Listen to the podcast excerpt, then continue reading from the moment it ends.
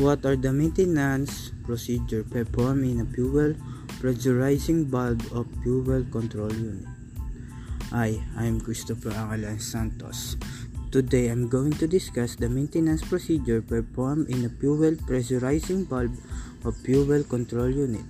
The field repair of the turbine engine con- fuel control is very limited.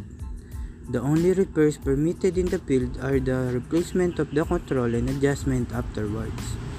These adjustments are limited to the idle RPM and the maximum speed adjustment commonly called trimming the engine. The procedure used to check the fuel control vary depending on the aircraft and engine installation. The inspection of a fuel system installation consists basically of an examination of the system for conformity to design required together with functional tests to prove correct operation and it's important that the manufacturer instruction for the aircraft concerned be followed when performing inspection or maintenance function. Thank you.